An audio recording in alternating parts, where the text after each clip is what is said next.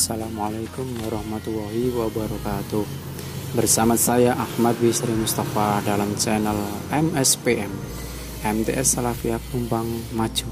Akan membahas tentang ujian nasional di tahun 2021 Ujian nasional tahun 2021 diubah menjadi asesmen nasional. Apa saja aspek yang diujikan? Nah, di sini kita akan bahas tuntas Pastinya kabar tentang dihapusnya ujian nasional di tahun 2020 dan akan menjadi atau diganti pada tahun 2021 sudah diketahui oleh kalian semua kan? Tapi sudah tahukah kalian seperti apa pengganti UN yang sudah kita kenal selama lebih dari 10 tahun ini? Untuk menjawab pertanyaan kalian, simak penjelasannya. Jika ujian nasional selama ini diperuntukkan bagi seluruh siswa yang berada di tingkat akhir masa sekolah seperti kelas 6, 9, dan 12, kini tidak lagi.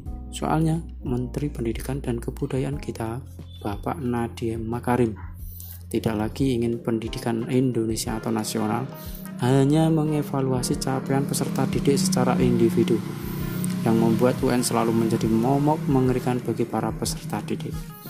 Justru Bapak Nadiem ingin fokus pada peningkatan kualitas pembelajaran, pengajaran, juga layanan dan lingkungan pendidikan. Maka kebijakan yang diambil adalah mengubah ujian nasional menjadi asesmen nasional.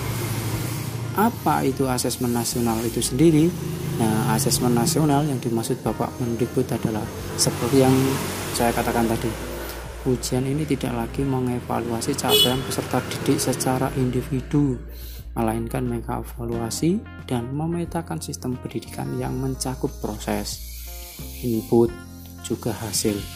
Nah, di situ ada yang namanya literasi dan numerasi.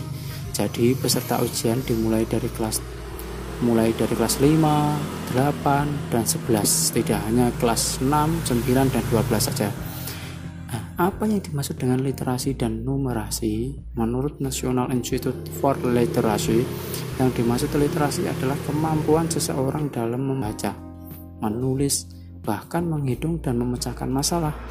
Nah, menurut UNESCO, literasi memang menjadi hak setiap orang dan juga dasar yang harus dimiliki untuk belajar sepanjang hayatnya.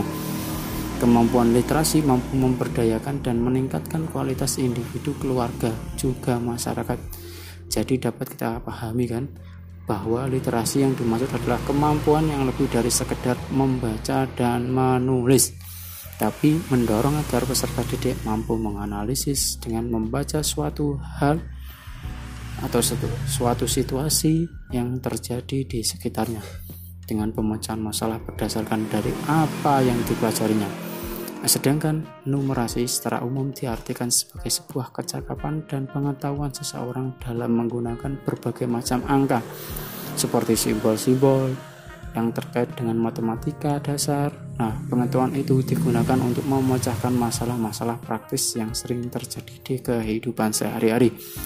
Jadi, pemikiran untuk peserta didik akan dibawa ke hal yang positif ya untuk selanjutnya kita akan sambung di hari kemudian. Untuk hari ini saya kira cukup. Assalamualaikum warahmatullahi wabarakatuh